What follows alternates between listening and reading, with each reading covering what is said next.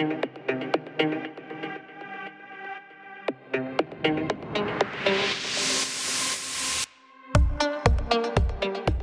den 10 januari uppenbarade sig stjärnorna i följande positioner i förhållande till Jupiter. Det var endast två och båda på den östra sidan om Jupiter. Den tredje, som jag trodde, gömd av planeten. Deras läge var precis som förut, i linje med Jupiter och längs zodiaken. När jag sett dessa fenomen visste jag att de motsvarade förändringarna av position inte på något sätt kunde höra till Jupiter.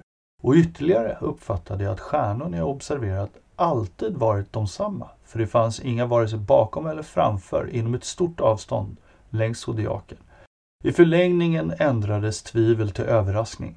Jag upptäckte att byten av position inte hörde till Jupiter utan till de stjärnor som min uppmärksamhet dragits till och jag trodde därför att de hädanefter måste observeras med mer uppmärksamhet och precision. I enlighet med detta, den 11 januari, så såg jag ett arrangemang på följande vis, se figur 4, nämligen bara två stjärnor till öster om Jupiter. Jag drog därefter slutsatsen och beslutade, utan tvekan, att det finns tre stjärnor i himlen som rör sig runt Jupiter såsom Venus och Merkurius runt solen, vilket etablerats med många följande observationer. Dessa observationer ger också vid handen att det inte bara finns tre utan fyra erratiska sidereala kroppar som snurrar runt Jupiter. Observationer av deras föränderliga positioner gjordes med mer exakthet de följande nätter, vilket de följande berättelserna kommer tillhandahålla. Galileo Galilei den 13 mars 1610. Hej och välkommen tillbaka till Tommy the Brain in Space. Som du har märkt så har det gått ett tag sedan mitt förra avsnitt och min tänkta takt på ett avsnitt i veckan har inte på något sätt materialiserat sig. Men jag hoppas att du har överseende med det, för jag har ett ganska bra avsnitt på gång idag.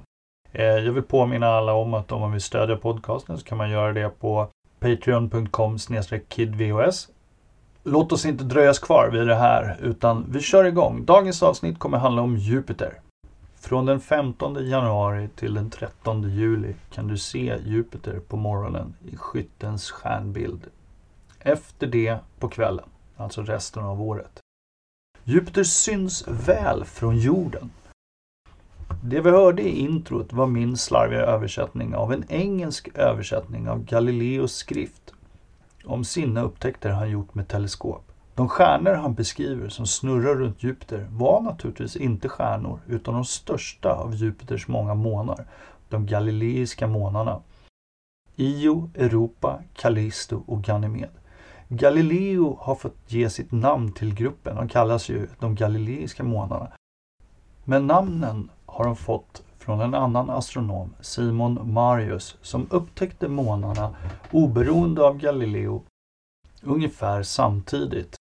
Han gav dem namn efter Zeus älskare i grekisk mytologi. Jupiter är ju det romerska namnet för samma gudom.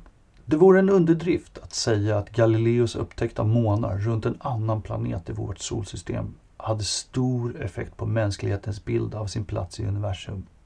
Vid tiden rådde en geocentrisk bild. Jorden var mitten för allt i universum och de märkliga stjärnor som rörde sig på himlen, Venus, Jupiter, Mars etc. antogs gå i omloppsbana runt jorden.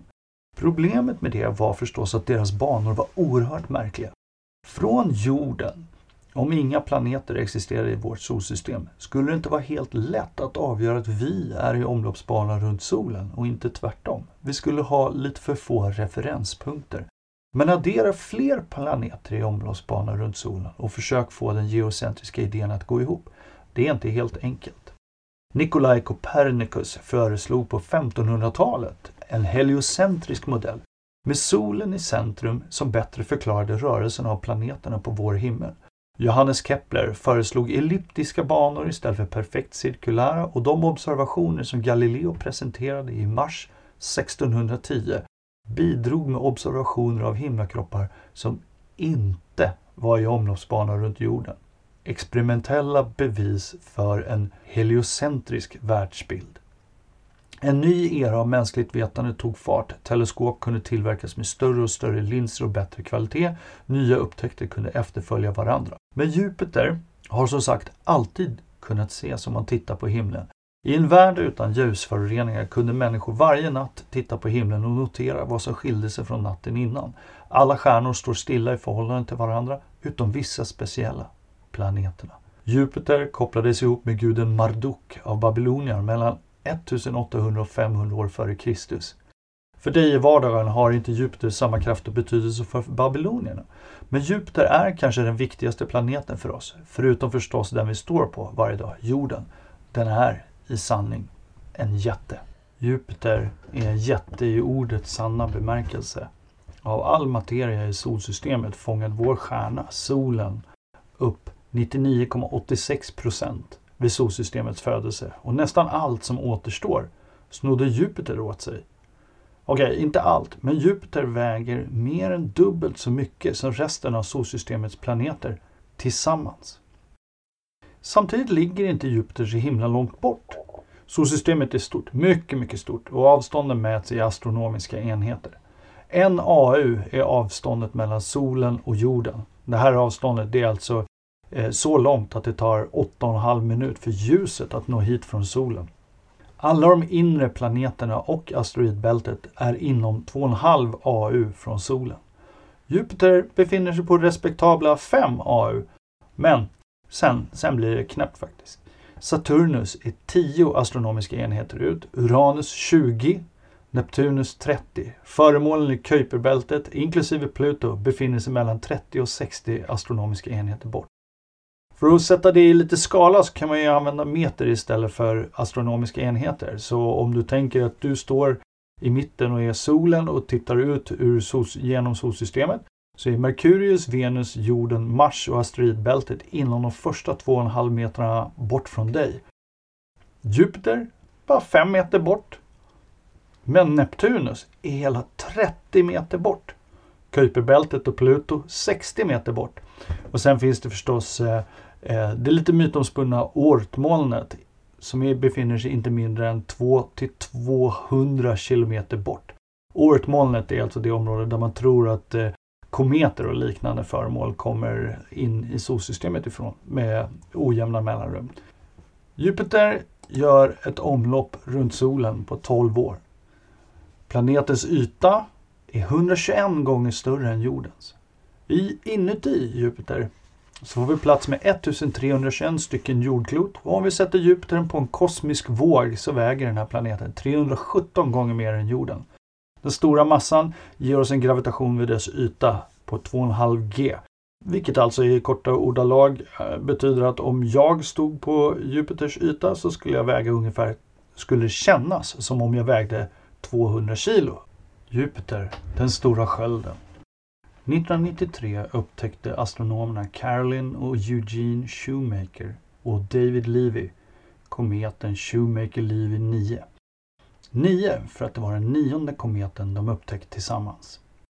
Kometen hade fångats upp av Jupiters gravitation och slitits i stycken av densamma någon gång under 1992. Beräkningar av kometens bana gav vid handen att den skulle kollidera med jätteplaneten under sommaren 1994. Det skulle vara den första gången vi kunnat observera en direkt kollision mellan ett så stort objekt och en planet i solsystemet. Tyvärr insåg man snart att krocken skulle ske på sidan av Jupiter som var vänd bort från jorden. Men tack vare försyn, tur i oturen och kosmisk timing så hade vi en rymdsond på plats som kunde se händelseförloppet från rätt håll. Jupiter ansågs vara högst prioriterat i den tioåriga rapport som publicerades 1968. Rapporten pekar ut viktiga forskningsområden och rekommenderar expeditioner för NASA med ett tioårigt perspektiv framåt. I början av 70-talet flög Pioneer 10 och 11 förbi Jupiter. De följdes av de episka Voyager 1 och 2 under 80-talet. Arbetet på rymdsonden Galileo påbörjades 1977 på Jet Propulsion Laboratory och planen var att den skulle skjutas upp med rymdfärjan Columbia 1982. Men förseningen på rymdfärjan fördröjde uppskjutningen. 1986 skulle den upp med Atlantis men Challenger-olyckan fick allt att försenas ytterligare. Förändrade protokoll för säkerhet ombord på rymdfärjan ledde till att man inte kunde använda den motor man tänkt sig först. Istället fick man planera en mer avancerad färd med flera så kallade gravitationsassister eller gravitationsslungor för att öka sondens hastighet mot sitt mål, Jupiter. Till slut sköts sonden upp 1989 och gjorde en sväng förbi Venus, sen två varv runt jorden för att öka hastigheten med totalt 21 000 km i timmen. En sån här gravitationsassist går till så att, grovt förenklat och förklarat i tal istället för bild, att man adderar en planets hastighet till ett rymdskepps hastighet. Tänk dig att Galileo på väg åt vänster i 50 km i timmen och jorden åt höger i 100 km i timmen. Galileo flyger sedan mot jorden, fastnar i dess gravitation och slungas ut åt höger, samma håll som jorden är på väg åt. Galileos hastighet blir då förenklad 150 km i timmen. Energin för att öka hastigheten tas från jorden som alltså minskar lite i hastighet. Omärkbart naturligtvis eftersom jorden är så mycket större än Galileo. Under färden mot sitt slutliga mål förstår man då att Galileo kommer vara perfekt placerad för att se den sönderslitna kometen krascha in i Jupiter. Något som kanske inte hade varit fallet om inte förseningar fördröjt uppskjutningen. Just denna komets krasch visade oss en av anledningarna till att Jupiter är så viktig för oss på jorden. Ja, stora asteroider har krockat med jorden under dess existens. En utrotade till exempel våra dinosaurier. Förmodligen dragen ur sin bana av just Jupiter. Men en majoritet av kometer och annat som kom från Kuiperbältet eller Oortmolnet sugs in i Jupiters gravitation och kolliderar med vår jättegranne istället för med oss. Kanske hade vi bombarderats av oerhört många fler asteroider om inte Jupiter funnits. Vilket förstås haft stor betydelse för vår utveckling och utvecklingen av livet på jorden. Om vi skulle åka ner genom Jupiters atmosfär, vilket vi såklart gjort fast utan människor, så skulle vi först passera månlagren som är 45 kilometer tjocka. Molnen består av ammoniakis. Under de här molnen finns lager av moln som består av ammoniumhydrosulfid och ammoniumsulfid. Det finns inga metanmoln eftersom temperaturen är för hög. UV-strålning från solen interagerar med de här översta lagren och förändrar den kemiska sammansättningen av gaserna. Alla dessa kemikalier bildar de karaktäristiska banden och zonerna man kan se på Jupiter. Det intressanta är att alla de här banden består av vindar som blåser åt olika håll. Varje nytt band motsvarar ett byte av riktning. Själva den översta delen av atmosfären, exosfären, saknar en tydlig gräns mot rymden. Det intressanta är också att Jupiters atmosfär saknar en tydlig gräns i de undre delarna eftersom Jupiter saknar en fast yta. Troposfären, den innersta delen av atmosfären, går helt enkelt sakta över i Jupiters flytande inre. Atmosfären består mest, och hela Jupiter också för den delen, av väte och helium med ungefär samma proportioner som solen. Atmosfären är den tjockaste i hela solsystemet, 5000 kilometer tjock. Det inre av Jupiter har man efter Juno-expeditionen förstått inte direkt har någon klart definierad kärna. Detta kan bero på en kollision med en superjordplanet ett tiotal miljoner år efter Jupiters bildande. Jupiters förmodligen mest iögonfallande kännetecken är den enorma röda fläcken. När jag säger enorm menar jag det. Den rymmer hela jorden. Fläcken är en enorm storm som existerat minst sedan 1800-talet. Den kan dock ha observerats redan på 1600-talet. Det är dock inte hundraprocentigt belagt. Man tror att stormen kan vara en permanent del av planetens atmosfär. Observationer gjorda de senaste åren visar dock att stormen håller på att krympa. Kanske kommer den försvinna inom de närmaste 100 000 åren eller någonting sånt. Den som lever får se. Tack vare sin stora massa har Jupiter samlat på sig ett stort antal månar. Hela 79 stycken, näst flest i solsystemet.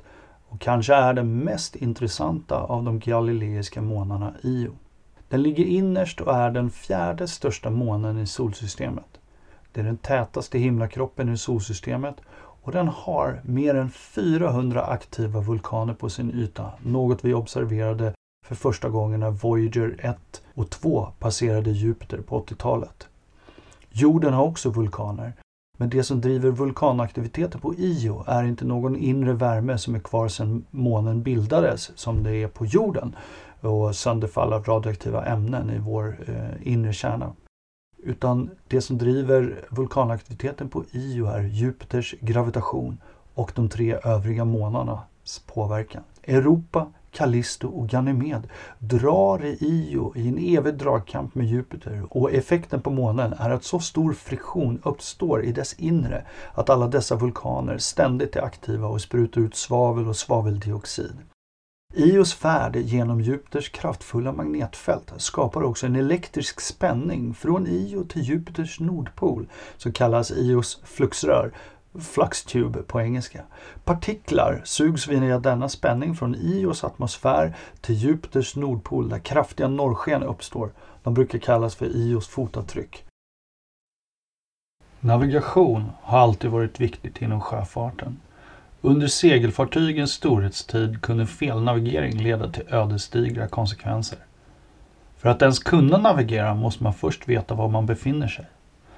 Du har säkert hört talas om begreppen latitud och longitud. Latituden bestämmer var man befinner sig i nord-sydlig riktning på jorden och kan bestämmas när solen står som högst med relativt enkla medel. Longituden beskriver var man befinner sig i öst-västlig riktning och eftersom jorden roterar på den axeln så är det här svårare att bestämma. Idag är det inte så svårt givet att vi har mycket exakta klockor. För att bestämma sin longitud måste man bara veta tidsskillnaden mellan sig själv och Greenwich till exempel. Vad har det här med Jupiter att göra? Jo, astronomer som Galileo hade föreslagit att när Jupiters månar passerar förbi planeten skulle det kunna vara en mycket exakt klocka. Varje passage skulle kunna liknas vid ett mycket långsamt tick på en analog klocka. Vid den här tiden så tappade mekaniska klockor precision ganska snabbt. Den danska astronomen Ole Römer försökte på 1670-talet mäta tiden det tog för månarna att passera med stor exakthet för att konstruera tabeller som skulle kunna användas på fartygen. Månarna borde rimligtvis passera Jupiter samtidigt varje gång. Så med observationer skulle tabeller över vad klockan var vid en viss passage kunna skapas. Fast datat stämde inte med teorin. Månen Io följde inte sitt schema. Först följde den efter och passerade vid ett senare tillfälle. Sen kom den ikapp och efter ett tag började den passera tidigare. Den enda förklaringen Römer kunde komma på var att ljuset behövde tid på sig för att komma till jorden.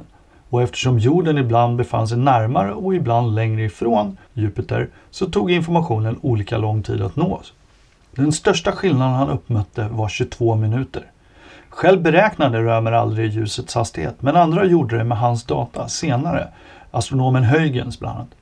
Uppskattningen hamnade då på 212 000 km per sekund.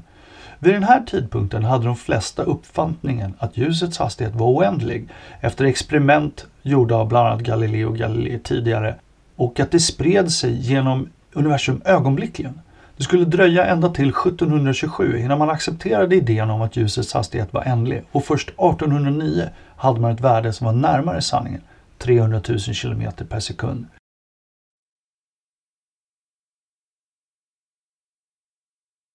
För så lite som 30 till 40 år sedan hade vi inte upptäckt en enda planet runt en enda stjärna ute i rymden. Givet att vårt urval av data därför var begränsat till det enda solsystemet med planeter vi känner till, nämligen vårt eget, kunde vi bara gissa hur andra solsystem skulle kunna se ut. Man kan tänka sig förstås att de förmodligen skulle se ut som vårt solsystem. Men är det så?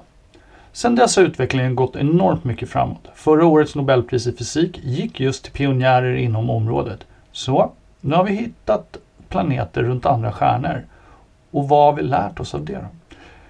Det man har upptäckt är att vårt solsystem verkar vara lite ovanligt. Andra planetsystem har en mer jämn fördelning i storlek mellan planeterna och jämnare avstånd mellan deras omloppsbanor. Som jag sa i början är det rätt tätt innerst med riktigt små steniga planeter. Sen börjar avstånden öka med två jättelika gasplaneter, Jupiter bland annat då naturligtvis. Och ytterst så har vi två stora isplaneter. Vårt solsystem saknar också någonting som kallas för superjordar steniga planeter med en massa ungefär tio gånger större än jordens. Så hur kan de här skillnaderna ha uppstått? Med det stora slaget. När jag säger slag här menar jag som när man slår med en segelbåt för att kryssa sig mot vinden. Den här hypotesen föreslår att Jupiter, som bildats tidigt i vårt solsystems historia, först befann sig i omloppsbana 3,5 astronomisk enhet från solen. Sen vandrade Jupiter på grund av interaktion med gasskivan runt solen eh, in närmare mot solen. Vi ser just sådant bland stjärnorna där ute, så kallade heta Jupiters, stora gasjättar i omloppsbana mycket nära sin stjärna. Saturnus hade vid den här tiden också migrerat inåt och skapat luckor i den här gasskivan runt solen. samtidigt som Saturnus själv påverkade Jupiter med sin gravitation. Hypotesen om det stora slaget menar att Jupiters inåtgående vandring upphörde runt en och en halv astronomisk enhet från solen, där både Jupiter och Saturnus sedan vandrade utåt till sina nuvarande positioner. Det här stora slaget löser många problem med solsystemets bildande. Marsproblemet. Jupiter begränsar tillgången på materia för bildandet av Mars om det vandrar inåt. De flesta simuleringar av solsystemets födelse ger att Mars borde ha varit 50-100% av jordens massa istället för de 10% som vår röda granne faktiskt är. Jupiters vandring driver materien in mot vår omloppsbana på en astronomisk enhet och lämnar Marsregionen i stort sett tom. Planetära embryon formas i det här inre bandet av materia och kolliderar och krockar runt och bildar Venus och jorden under en period på 60 130 miljoner år. Asteroidbältet kan också förklaras. Stora mängder material rensas bort under vandringen inåt, kastas ut mot omloppsbanor bortom Saturnus och kvar blir den här utspridda ringen av sten, eh, stenar och asteroider som inte kan bilda någon större planet. Frånvaron av superjordar i vårt solsystem förklaras av att Jupiters vandring inåt skickar stora mängder stenmaterial in mot solen vilket begränsar möjligheter för större planeter att formas nära solen. Det här är en, det här är en intressant hypotes som tyvärr är svår att hundraprocentigt bekräfta utan tidsmaskiner. Den belyser dock hur speciellt och skört vårt avancerade liv kanske ändå är. Utan Jupiters vandring kanske inte jorden kolliderar med en stor himlakropp som ger oss vår speciella måne. Och utan vår speciella måne har vi inte tidvatten. Och utan tidvatten kanske vi inte har liv alls. Eller i alla fall inte mer avancerat liv. Det är svårt att säga. Det var allt jag hade tänkt berätta för dig om Jupiter idag. Och jag kommer fortsätta göra avsnitt om solsystemet och rymden och ja, vad vill du att jag ska göra ett avsnitt om? Gå in på Facebook och ge förslag eller skicka ett meddelande på patreon.com kidvhs. Om du skulle vilja stödja podcasten med en liten slant på Patreon så är jag bara ytterst tacksam. Ta hand om dig och glöm inte att tvätta händerna.